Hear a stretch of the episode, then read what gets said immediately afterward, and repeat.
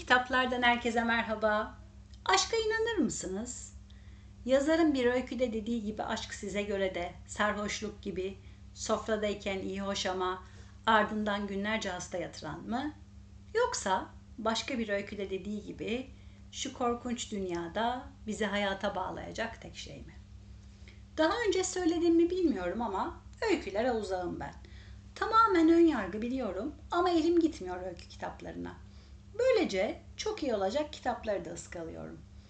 Bu yıl ilk öykü kitabı okuma denemem de hüsranla sonuçlanınca tanımadığım, daha önce okumadığım değil de tanıdığım ve kalemini çok sevdiğim bir yazarı okuyarak öykülerle barışmaya karar verdim.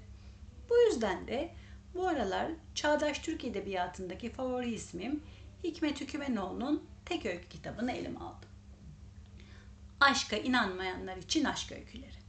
Şimdi böyle bir isim olunca ve kapakta da aşkın mutlu son olarak adlandırılan evliliğin düğününün pastası olunca yumuşacık, sıcacık, içiniz ısıtacak öyküler beklerseniz yanılırsınız. Evet, aşklar var öykülerde ama hemen, hemen hepsi acı, karanlık ya da hüzünlü iyisi. 7 ana öykü var, 6 da kısa öykücük. Hepsi çok gerçek, hepsi çok çarpıcı tam olarak hayatın içinden çıkmış, bize seslenen kahramanları var öykülerin.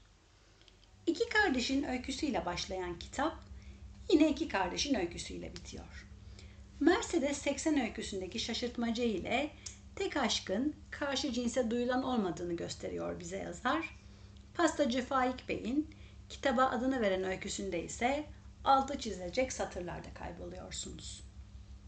Sumru, Cemre ve ben en sevdiğim öykü oldu benim. Yazarın gözlem gücüne, kadınların iç seslerini bu kadar iyi bilmesine çok şaşırdım.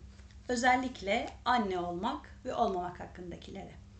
Aynı gözlem gücü iki kişi bir bavula sığmak zor öyküsünde de var.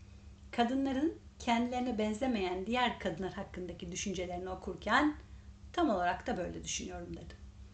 Sanırım hiç unutamayacağım öykü ise Hudut her gün haberlerde izlediğimiz ya benimsin ya kara toprağın diyen takıntılı erkek aşık var bu öyküde. Okurken tüylerim ürperdi resmen. Kısa öykücüklerin ise isimleri yok, numaraları var. Bir öykünün son satırında şaşırırken aşk yokmuş demek giderken başka bir öykünün sonunda diyorsunuz ki aşk var, var işte aşk.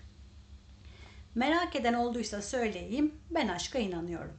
Ama her yaşta farklı bir aşk algımız olduğuna inanıyorum. 20'li yaşlardaki aşk anlayışım ile şimdiki aşk anlayışım çok farklı elbette. Öykülerle barıştığım için, bu kadar sahici, bu kadar güzel öyküler okuduğum için çok mutluyum. Elinize kahvenizi alıp mutlaka siz de okuyun bu öyküleri. Bir başka kitap, bir başka yazarda görüşmek üzere.